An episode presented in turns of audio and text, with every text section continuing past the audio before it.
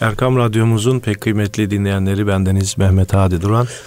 Mihrab'ın çevresinde programımızda huzurlarınızdayız efendim. Değerli hocamız Mustafa Akgül ile birlikte bugün daha önce e, işlemiş olduğumuz bir konuyu e, tekrarında fayda görerek tekrar işleyeceğiz değil mi hocam? Evet inşallah. E, zikir, fikir ve şükür konusu e, bizim toplumumuzda biraz artık eksilmeye başladı herhalde. Üçü de bu konunun önemine binaen hocamızdan tekrar bu konuyu arz ediyoruz, istiyoruz. Rica İnşallah efendim.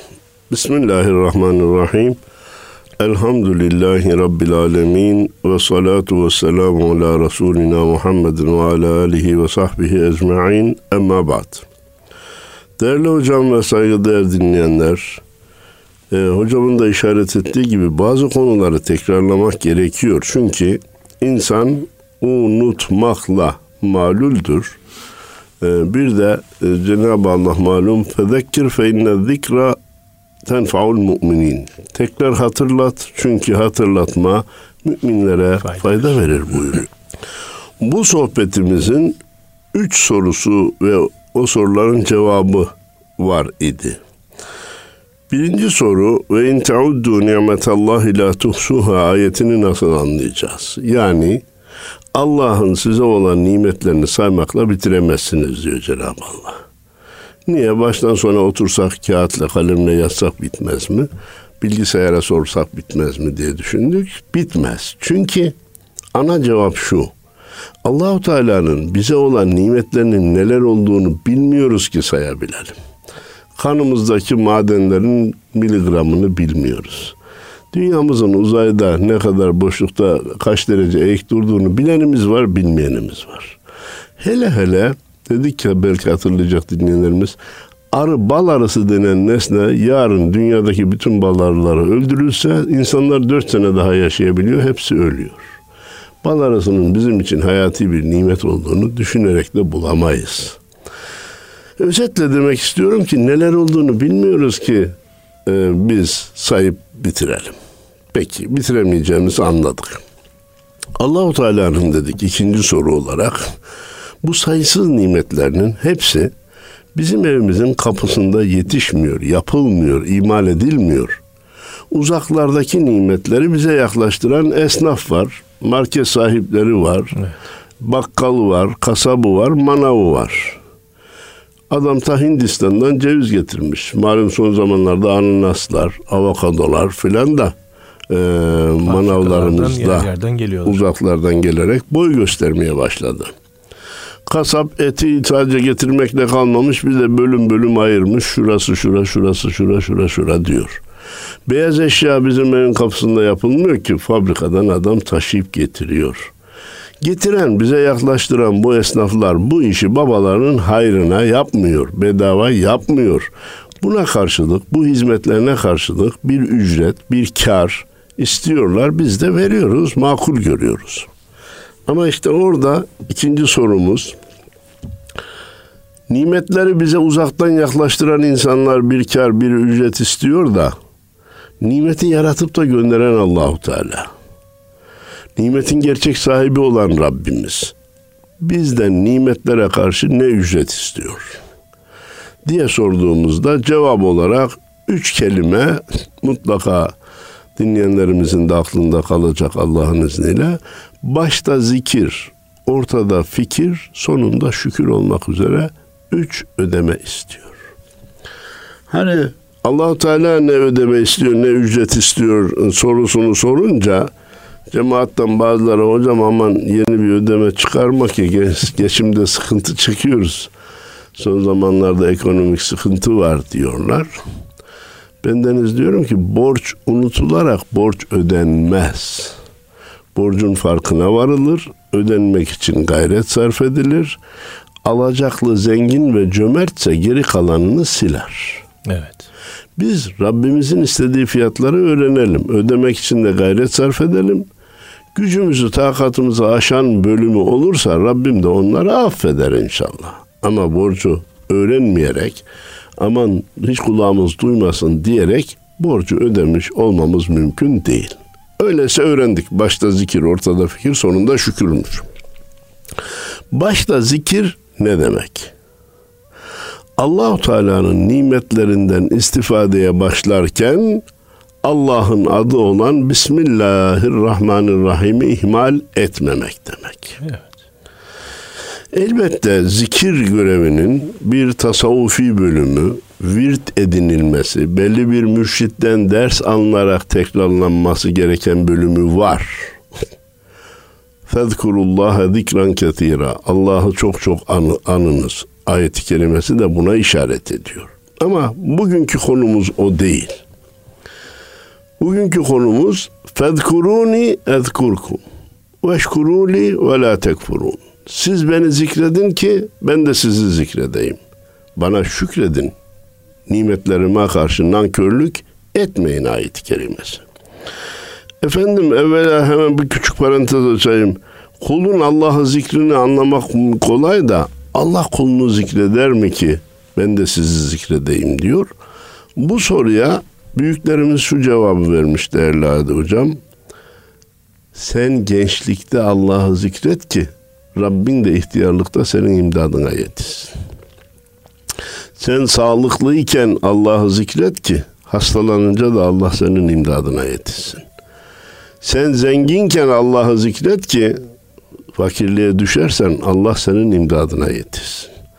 Son zamanlarda maalesef bundan takriben 20-30 sene evvel bir adam zenginse zengin gider.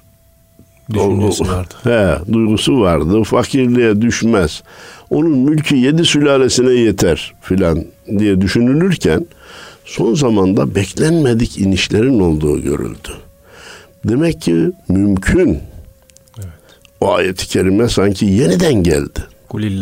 Kulillahümme malikel mülke tu'til mülke men teşâ ve tenzi'ul mülke mimmen teşâ ve tu'izzu men teşâ ve tuzillu men teşâ biyedikel hayr inneke ala kulli şeyin kadir. Bu ayet sanki yeniden indi. Ne diyor bu ayette? Mülkün gerçek sahibi Allah'tır. Dilediğine verir, dilediğinden alır. Dilediğini aziz eder, dilediğini azizlikten aşağıya indirir. Zelil. Hayır zelil eder, hayır onun elindedir. O her şeye kadirdir. Bunu insanlar son zamanda bizzat yaşadılar koca koca mülklerin sahibi olan insanların tek tek mülklerinin elinden gittiği maalesef görüldü. Biz buraya nereden geldik? Ha sen zenginken bu gitmez, bu elden çıkmaz. Ben ömür boyu böyle giderim. E, yedi sülaleme yeter zannetme.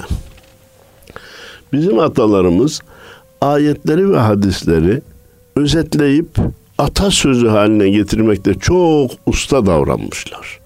Demişler ki Malına güvenme bir kıvılcım yeter. Güzelliğine güvenme bir sivilce yeter demişler. Maalesef bugün bazıları duyuyoruz bir sivilceyi kanattı diyor. Ondan sonra hastane, ondan sonra ameliyat iş devam etmiş gitmiş. Kimse bir şeye güvenmesin. Ve bizim ilacımız yine Kur'an-ı Kerim'de Hz. İbrahim'in yazdığı bir reçete La uhibbul afilin. Ben geçicileri sevmem fanilere bel bağlamam. Baki olan Allah'a güvenir, sırtımı ona dayarım. Onun için geçici nimet, her nimetin geçici olduğunu unutmamak lazım. Tekrar dönersek, besmele yani zikir görevi nimetlerin başında Allah'ın adını, besmeleyi unutmamak. Şimdi birinci taksidin bu olduğunu söyleyince bazı kardeşlerimiz diyor ki hocam onu zaten yerine getiriyoruz o konuda çok e, kendini yormana gerek yok. Oysa ki sofraya oturunca herhalde yüzde doksan küsürümüz Bismillahirrahmanirrahim diyoruz. Su içerken de besmeleyi çekiyoruz. Bunu da yapabilmek için kişinin kendini alıştırması lazım hadi hocam. Evet. Alıştırırsa Bismillahirrahmanirrahim demeden e, ağzına götüremez. Alıştırmazsa ha ha hi sağdan soldan konuşurken yemek başlamıştır, su içilmiştir farkına bile varmaz. Fakat belki e, arabamızı çalıştırırken de besmele çekiyoruz.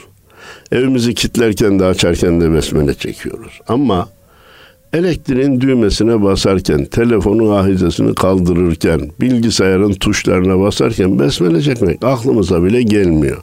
Halbuki onlar da Allah'ın birer nimeti. Allahu Teala sadece ekmekle suyun başında istememiş ki. Bütün nimetlerin başında. Ee, işaret kimden gelmiş efendim? Süleyman Çelebi'den gelmiş. Allah rahmet eylesin. Allah adın zikredelim evvela vacip oldu cümle işte her kula. Gelin diyor Mevlid'e de Allah'ın adıyla başlayalım. Çünkü bütün işlere Allah'ın adıyla başlamak kula vacip bir görevdir. Vacip deyince terkinden sorumlu olunan göreve vacip denilir hocam. Hesaba çekilen göreve. Bir sünnet var yapan sevap kazanır yapmayana hesap yoktur. Farz ve vacipte terk edene de hesap vardır. Bütün işlerde diyor besmele vacip. Biz de Mevlid'e besmele ile başlayalım demiş merhum Süleyman Çelebi. Efendim e, işte onu ihmal etmemek bütün işlerde. Memur sabahleyin mesaisine Bismillahirrahmanirrahim diye başlamalı. İşçi fabrikaya Bismillahirrahmanirrahim diye girmeli. Patron, işveren bürosuna, yazhanesine, şimdi ofis mi oldu onun adı? Evet. Ofisine Bismillahirrahmanirrahim diye oturmalı. Bakan makamına Bismillahirrahmanirrahim diye girmeli. Girerse ne olur biliyor musunuz Hadi Hocam? Eğer besmele hayata hakim olsa, bütün nimetlerin başında, bütün faaliyetlerin başında besmele olsa insanlar birbirine haksızlık yapamaz. Devlet memuru rüşvet yiyemez. İşçi sahte rapor almaya kalkamaz. İşveren sigortayı yatırmayın da bunun emekliliği güme gitsin diyemez. Hulasa bendeniz akılda kalsın diye söylüyorum. Ee, eğer besmele hayata hakim olsa dünya cennetin şubesi olur diyecek kadar iddialıyım. Elhamdülillah tabii ki. Dünya cennetin şubesi olur diyecek kadar iddialıyım. Çünkü besmele nimetinin bir başka şeyi daha var değerli hocam. Harama besmele çekilmez kuralımız var ya. Evet. E bir Müslüman haramla başlamak istese besmele aklına gelecek. Ya harama da besmele çekilmez. Niye çekilmez kardeşim? Bu Allah'ın yasakladığı bir şey. Öyleyse bunu yapmayın. Hocam bazı meşru olan şeyleri de daha doğrusu meşru olmayan şeyleri de meşrulaştırma şeyimiz var. Şimdi programa gelirken He. radyoda dinledim. Milli Piyango diye bir şey var. Evet. Cinayet var. Ee, ondan çekiş, çekiliş ya, yapıyorlar ve besmele bravo. çekip sonra da ne kazandığında ne yapacaksın? Hayır işleyeceğim, hayır kurumuna vereceğim diyor. Bu şeylerde kavramlarda da sıkıntı başladı. Allah razı olsun. Teşekkür ediyorum. Bazı haramlara da besmele çekilir hale gelmiş evet. ki bu çok büyük bir felakettir. Niye haydi besmele? Haydi bismillah diyor ha. ve bir şey çekiyor hocam. Ee, niye besmele çekiyorsun diye de sorsan çıksın diye besmele çekiyorum der. Evet. Hatta e, seneler önce işitmiştim piyangoyu çekmiş ezan okunurken de minareye doğru tutuyormuş ki ezan sesini duysun da bereketlensin. Çıksın bereketlensin. E, beni niye o, o sözlerimi tekrarlamaya zorluyorsun Hadi hocam? Dünya çıldırdı. Evet. İslam alemi şaşkın. Türkiye zor günlerinde. Dünya çıldırdı. İslam alemi şaşkın ne yapacağını bilemez olduk. Birbirimizi kırıyoruz. Türkiye zor günlerde inşallah ümit varız geçecek. İnşallah. Ama geçti bitti zannetmeyelim. O anlamda zor günlerde diyorum ve tekrar işte şaşkınlığın, çılgınlığın şeylerinden, örneklerinden birisi de haramı besmeleyle yapmaya kalkmak işte. Yani bugünlerde tekrar alevlendi Milli Piyango. Niye? E, yılbaşı geliyor. İkramiye şu kadar büyük efendim. Ya kaç kişi kaybediyor? Kaç kişi kazanıyor kardeşim? Ne olur şunu bir hesap edin ya. Milyonlarca kişi kaybediyor hadi hocam. 5, 6, 8, 10, 20, 50 kişi kazanıyor. E bu kumarın daniskası yani. Apaçık kumar. Efendim kendi rızasıyla götürüp alıyor bileti. Para biletin parasını kimsenin zorlamasının karşısında vermiyor. Bunlar haramı helal etmez. Efendim. Ha demek ki besmele hayat hakim olsa, besmelenin de haramda çekilmeyeceği kuralı öğrenilse birçok haramlar da engellenmiş olur. O anlamda yine büyüklerimiz besmele her hayrın anahtarı, her şerrin de kilididir buyurmuşlar. Efendim Yine dönüyoruz zikir görevine. Kur'an okurken besmeleyi çekmeyenimiz yok. Hadi hocam. İzâ gara'tel Kur'âne festaiz billah. Ayet-i kerime de açık. Hadis okurken de besmele çekiyoruz. Bir fıkıh tefsir dersi yapacak da olsak besmele çekiyoruz. Şurada hadi programa başlarken de besmele ile başlamaya gayret ediyoruz. Fakat matematik dersine başlarken besmele çekmek kimsenin aklına gelmiyor. Coğrafya kitabının başında bir Bismillahirrahmanirrahim yok. Astronomi kitabında besmele yok. İçinde de yok. Başında olmadığı gibi içinde de yok. Halbuki neydi? Bütün nimetlerin başında Allahu Teala bizden besmele istiyordu. Peki matematik öğrenmek de bir nimet değil mi kardeşim? Astronomi tahsili de bir nimet değil mi? İngilizce, Almanca öğrenmek de bir nimet değil mi? Öyleyse bütün eğitim bölümlerinin ve branşlarının başı besmele olmalıdır. Doktor ameliyatına Bismillahirrahmanirrahim diye başlamalıdır. Kimyager laboratuvarına Bismillahirrahmanirrahim diye girmelidir. Pilot kabinine pilotumuz Bismillahirrahmanirrahim diye girmelidir. İşte o zaman dünya cennetin şubesi olur. Efendim e, ilkokulda öğretmenimiz, lisede muallimimiz, üniversitede profesörümüz derslere besmele ile başlasa ben inanıyorum ki talebenin şekli değişecek. Mezun olunca millete bakışı değişecek. Vatan millet duygusu, hizmet duygusu, insanlığa karşı vazifelerini daha iyi hatırlayacak. Şimdi bütün gençlerde bir tek hedef var hadi hocam. Hangi meslek daha çok kazandırır? Hangi okula gidersem daha çok maaş alırım? Çıkınca ne zaman iş bulurum? Ha bugünün şartları bunları düşünmeye mecbur etmiş. Biz kimse bunları düşünmesin demiyoruz. Gözünü kapatsın da bir yere girsin, okusun, bitirsin hiç demiyorum ben zaten. Gerekirse okumasın diyorum. Önüne baksın. E ben şurayı kazanmışım ama burada da istikbal yok. iş yok. Çıkanlar mezun olmuş bekliyorlar. Ben kardeşim gideyim de şimdiden bir meslek sahibi olayım demesi daha iyidir. Mantıklı. Daha mantıklıdır. Ama biz asli konumuz olarak bütün eğitim branşlarının ve dallarının başında besmele olmalıdır ki fayda gelsin, huzur olsun, kazançta bereket, hanede mutluluk, evlatta itaat, ana baba, ana babada merhamet olsun diyoruz.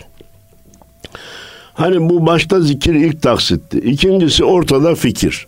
Rabbimizin bizden istediği. Efendim nedir bu görevin kısaca özeti? Nimetlerden istifade ederken biraz kafayı yormak. E hocam niye kafamızı yoralım yani? Cennetlik cana eziyet haram demişler. Efendim çok önemli bir cümleyi söyleyeceğim. Dikkatlerini çekiyorum dinleyicilerimizin.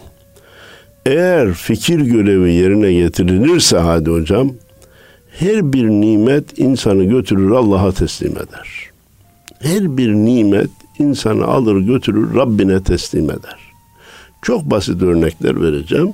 Su içmek güzel bir nimettir, helaldir. Besmele'yi de çektik, ilk taksidi de yaptık. Yerine getirdik, ödemeyi yaptık. Ya bu su neden yaratıldı diye bir düşünsek. Oksijen ve hidrojen gazının birinin yanıcı birinin yakıcı olduğunu hatırlasak.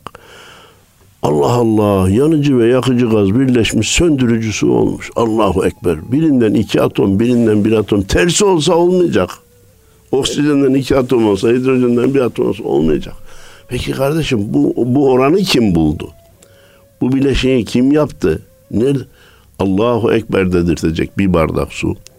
Salata dediğimiz nimet var. İçi ne kadar çeşitli olursa hoşumuza gidiyor. Ya domatesi kızartıp yeşil biberi yeşil bırakan biri var desen salata sana Allah Allah dedirtecek. Soğan, turp, havuç toprağın altına doğru gidiyor. Maydanoz, biber, domates toprağın üstüne doğru gidiyor. Yukarıda yetişenleri toprağın altına soksak çürür mü çürümez mi hadi hocam? Tabii ki çürür.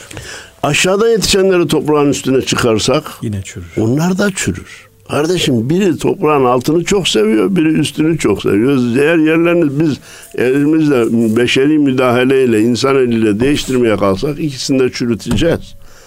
Öyleyse bir salatayı yerken, o limonu sıkarken bunun ambalajını kim yaptı? Bu bu küçük e, limon sularını torbacıkların içinde bizi bekleten kim diye düşünsek, bunun bir odun tarafından yapılamayacağını, limon ağacı tarafından limon ağacının bunu beceremeyeceğini, insan aklının bile hala bunu beceremediğini hepimiz biliyoruz değil mi efendim? Suni limon yok.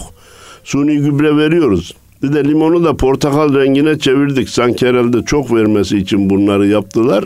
Limonu da limon olmaktan çıkardılar. Hemen parantez içinde değerli dinleyenlerimizin dikkatini çekeyim. Limonundan portakalına, karpuzundan üzümüne ne olursa olsun çekirdeksiz yiyecekleri tercih etmesinler. Aman aman limonun çekirdeği olmasın. Ya limonun çekirdeği olması onun tabiatındandır ve onun daha normal bir e, bitki, normal bir meyve olduğunu gösterir. Çekirdeksizlik suni bir şeydir, sonradandır, müdahaleyle olan bir şeydir. Çekirdeksizleri tercih etmenin doğru olmadığı kanaatindeyim. O çekirdekleri de onun içine koyan biri var. İnciri yemek kolay ve iyi nimetlerden biri Rabbim de Kur'an-ı Kerim'de de zikretmiş. Ama bir de çekirdeğini düşünelim kardeşim. Bir incirin içinde kaç tane çekirdek var? Saymakla bitirmek mümkün değil.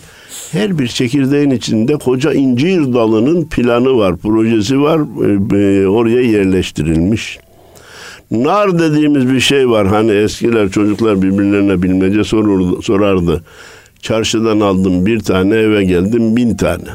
Nedir? Nar açıyorsun ki zarlarla bölünmüş, oralara yerleştirilmiş nar taneleri asker gibi dizilmiş efendim bize hizmeti bekliyor.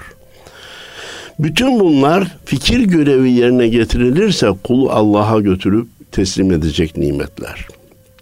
Uçağa biniyoruz, 10 bin metreye çıkıyoruz, saatte bin kilometreyle yol alıyoruz. Ya burada bu uçağı uçuran kim? Bu uçma kanununu yaratan kim? uçuran pilotun beynini yaratan kim diye düşünsek yolculuk ibadete dönüşecek hadi hocam. Biz de fikir görevini yerine getirmiş olacağız. Yoksa çay gelsin kahve gelsin gazete ver varsa şunu bakalım. Bir de şimdi şeyler çıktı değil mi? Koltuğun arkasında ee, internet var. Evet, evet, evet. Oyun mu istersin? Televizyon mu istersin? E bunlarla ha ha hi hi ile gidecek yolculuktan insana bir sevap meydana gelmez. Gider misin gidersin yolculuğun biter mi biter. Günah işlemiş. O senin meşgul olduğun şeye bağlı ama bir de tefekkür edecek olsan o yolculuk ibadete dönüşecek.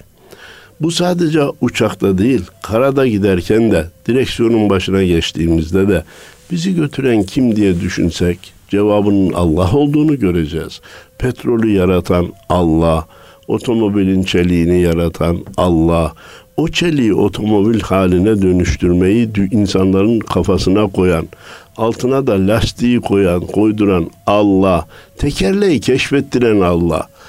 Bütün bunlar bize karada, havada, denizde bizi yüzdüren Allah dediğimiz an işte fikir görevini ikinci taksidi ödemiş oluruz ve o nimetten istifade de bize büyük bir manevi fayda temin etmiş olur. Dinleyenlerim hatırlarsa memnun olurum. Hatırlamazsa söyleyeyim. Bendeniz bu konuyu anlatırken karpuz misalini vermekten hiç vazgeçmiyorum. Niye? Çünkü karpuzun kabuğu güneşin alnında duruyor, yeşil kalıyor. İçi hiç güneş görmüyor, kızarıyor bir dilim karpuzu yerken ya bunun güneşi gören kısmı kabuğu. Halbuki oranın kızarması lazımdı. İçi de hiç güneş görmedi. İçinin kızarmaması lazımdı diye düşündüğümüz an karpuz bize Allah Allah dedirtecek. Bir de içeride siyah çekirdek yaratmış. Ben istediğime istediğim rengi veririm diyor yani. E, bu bizi Allah'a Rabbimizin büyüklüğüne götürecek ve Allah Allah dedirtecek. Bugün artık 10 kilo 12 kilo karpuzları görüyoruz. Küçücük kulptan ora beslenmiş. Efendim bütün meyvelerde dikkat edin kulp kendinden çok daha küçüktür. Koca koca armutlar küçücük kulptan beslenmiş. Bu bu kadar nimet buraya nasıl geçti? Koca kabak bir kulptan beslenmiş. Allahu Teala işte kabak nimetini yerde vermiş, cevizi yukarıda Ağaçta vermiş. Evet. Tersine çevirsen her şey allak bullak olur. Dünyada kainatta tesadüf diye bir şey yoktur. Kainatta bir düzen vardır. Bu düzeni de kuran biri vardır. Bu ancak fikir görevi yerine getirilirse fark edilebilir. Efendim işte fikir görevi ikinci taksitte bu dedikten sonra üçüncü taksit olan şükür. Bu nedir? Bütün nimetlerden istifade edip de Ya Rabbi çok şükür demek üçüncü taksidi ödemek için yeterli bir davranış değildir hadi hocam. Biz bir markete, kasaba, manava girdiğimizde satılan bütün nimetleri aynı ödemeyle alamıyoruz. Ne alacaksak ona göre ödememiz değişiyor. Ama ne garip tecelli ki karnımız acıkıyor, yarım ekmekle peynir buluyoruz. Ya Rabbi çok şükür elhamdülillah. Allah Teala bir araba veriyor. Dolmuş minibüs, otobüsten kurtuluyoruz. Ya Rabbi çok şükür elhamdülillah. Allah bir ev veriyor kiradan kurtul. Ya Rabbi çok şükür elhamdülillah. Bazen kardeşlerimize bir bina veriyor, işhanı veriyor, dükkanlar veriyor. Ya Rabbi çok şükür el, elhamdülillah. Nimet değişiyor, ödeme değişmiyor. Burada büyük bir yanlışlık var. Ama yanlışı akşama kadar anlatsak dinleyenlerimize bir şey kazandıramayız. Doğrusu nedir onu söylediğimiz zaman kazandırmış oluruz. Doğrusu her nimetin şükrü kendi cinsinden olacak. Her nimetin şükrü kendi cinsinden olacak. Her nimetin şükrü kendi cinsinden olacak. Ne demek hocam? Yarım ekmekle peyniri bulduk mu bir kısmını da koparıp da bulamayana verebilirsek. Allahu Teala bir otomobil verdiyse tekerleğin birini de hayır için döndürebilirsek, otomobili olmayanlar için döndürebilirsek, derneklere, vakıflara, İslami hizmetlere koşturabilirsek o arabanın şükrü yerine gelmiş olacak. Allahu Teala bir ev vermişse hiç olmazsa haftada bir gün bilemediniz ayda bir gün eşi, dostu, akrabayı, komşuyu hiç olmazsa hane halkını toplayıp Allah, din, peygamberden bahsedersek o mekanın şükrünü eda etmiş olacağız. Aksi halde çok şükür çok şükür demekle bu iş bitmeyecek.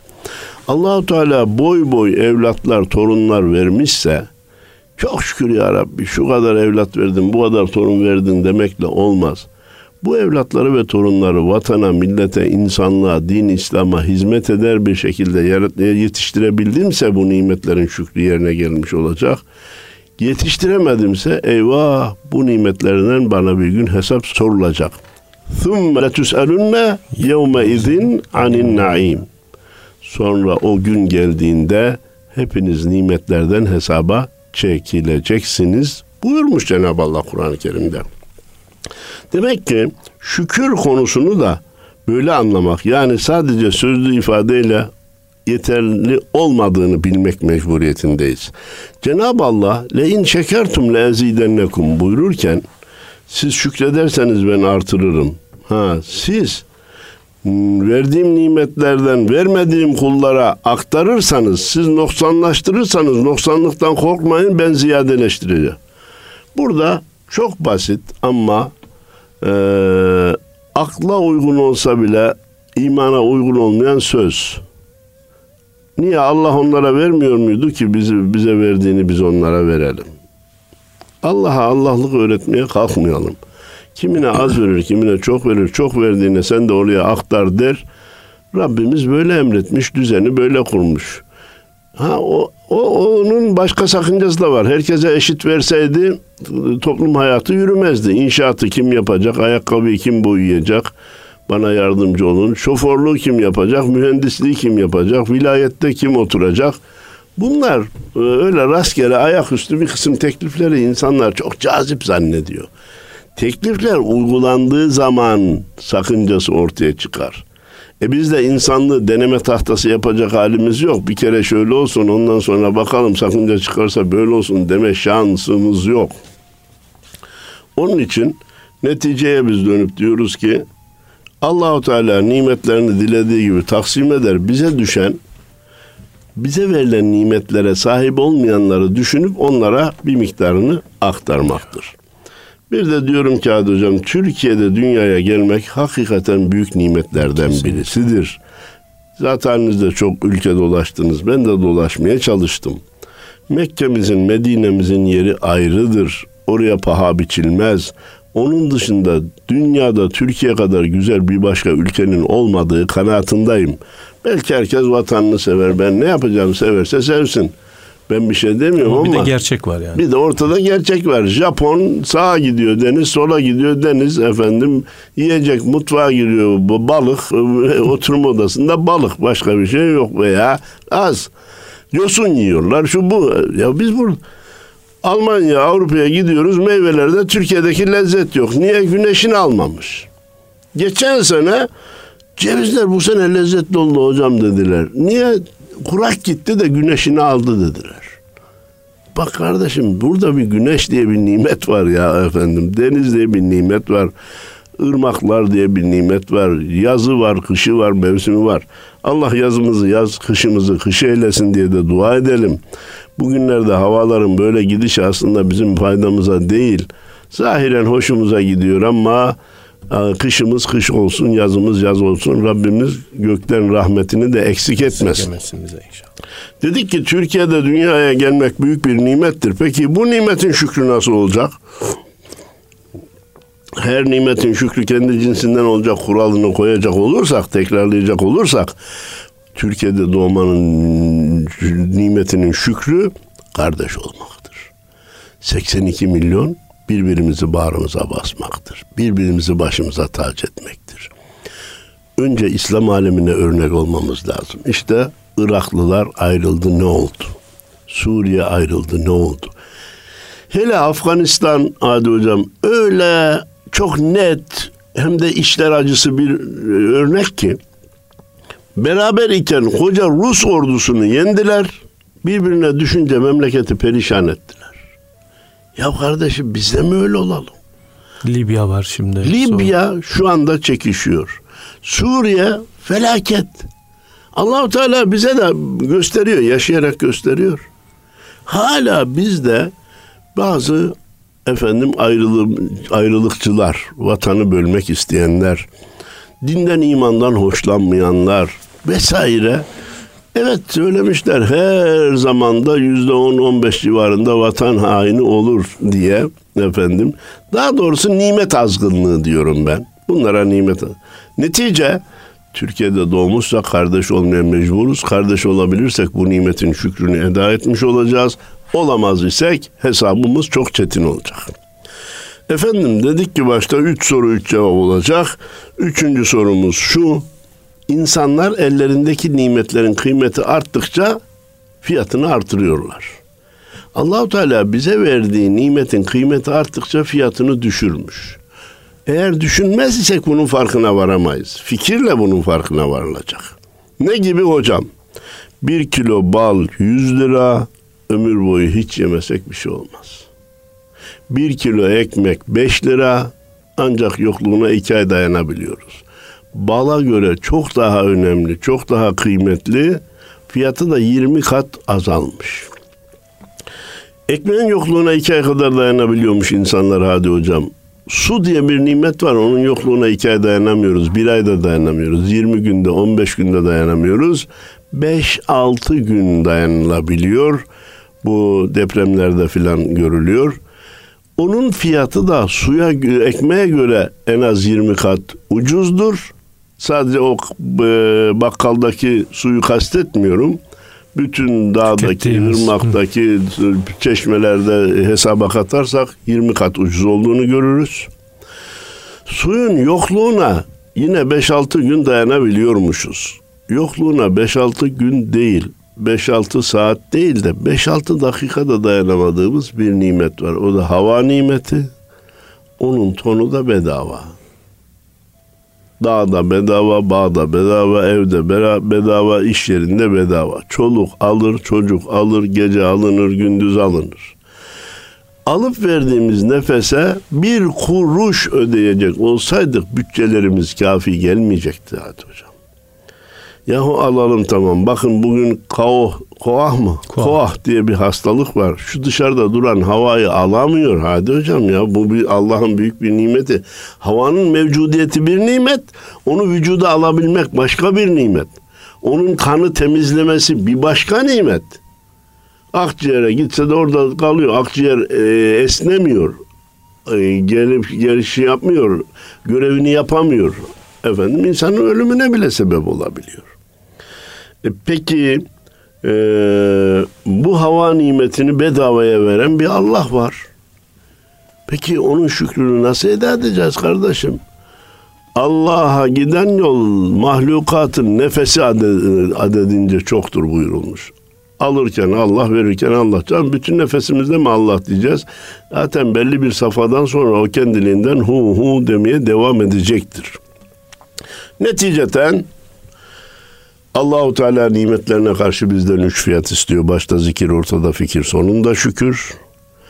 İnsanlar ellerindeki malın kıymeti arttıkça fiyatını yükseltmiş. Allahu Teala nimetlerin kıymeti arttıkça fiyatını düşürmüş. Ama bütün bu nimetlerden bir gün sizi hesaba çekeceğim. Nefsinizin peşinde yuvarlanıp gitmeyin. Beni unutmayın. Nimetlerime şükredin. Zikrimi dilden bırakmayın. Fikri beyinden ayırmayın. Huzuruma alnınız açık gelin. Ben de size nimetleri vermeye hazırım diyor. Allah razı olsun. Cenab-ı Allah kazananlardan eylesin. Allah razı olsun. Vazifesini tabi vaktinde yapıp borcunu ödeyenlerden eylesin diyor. Zat halinize ve dinleyenlerimize saygılar sunuyorum. Teşekkür ediyoruz hocam. Bizlerle, bizler de dinleyicilerimiz adına size teşekkür ediyoruz. Bu güzel hatırlatma ve sohbetiniz için. Değerli dinleyenlerimiz, Mihrab'ın çevresinde programımızda Mustafa Akgül hocamızla birlikteydik. Cumanız mübarek olsun. Allah'a emanet olun efendim.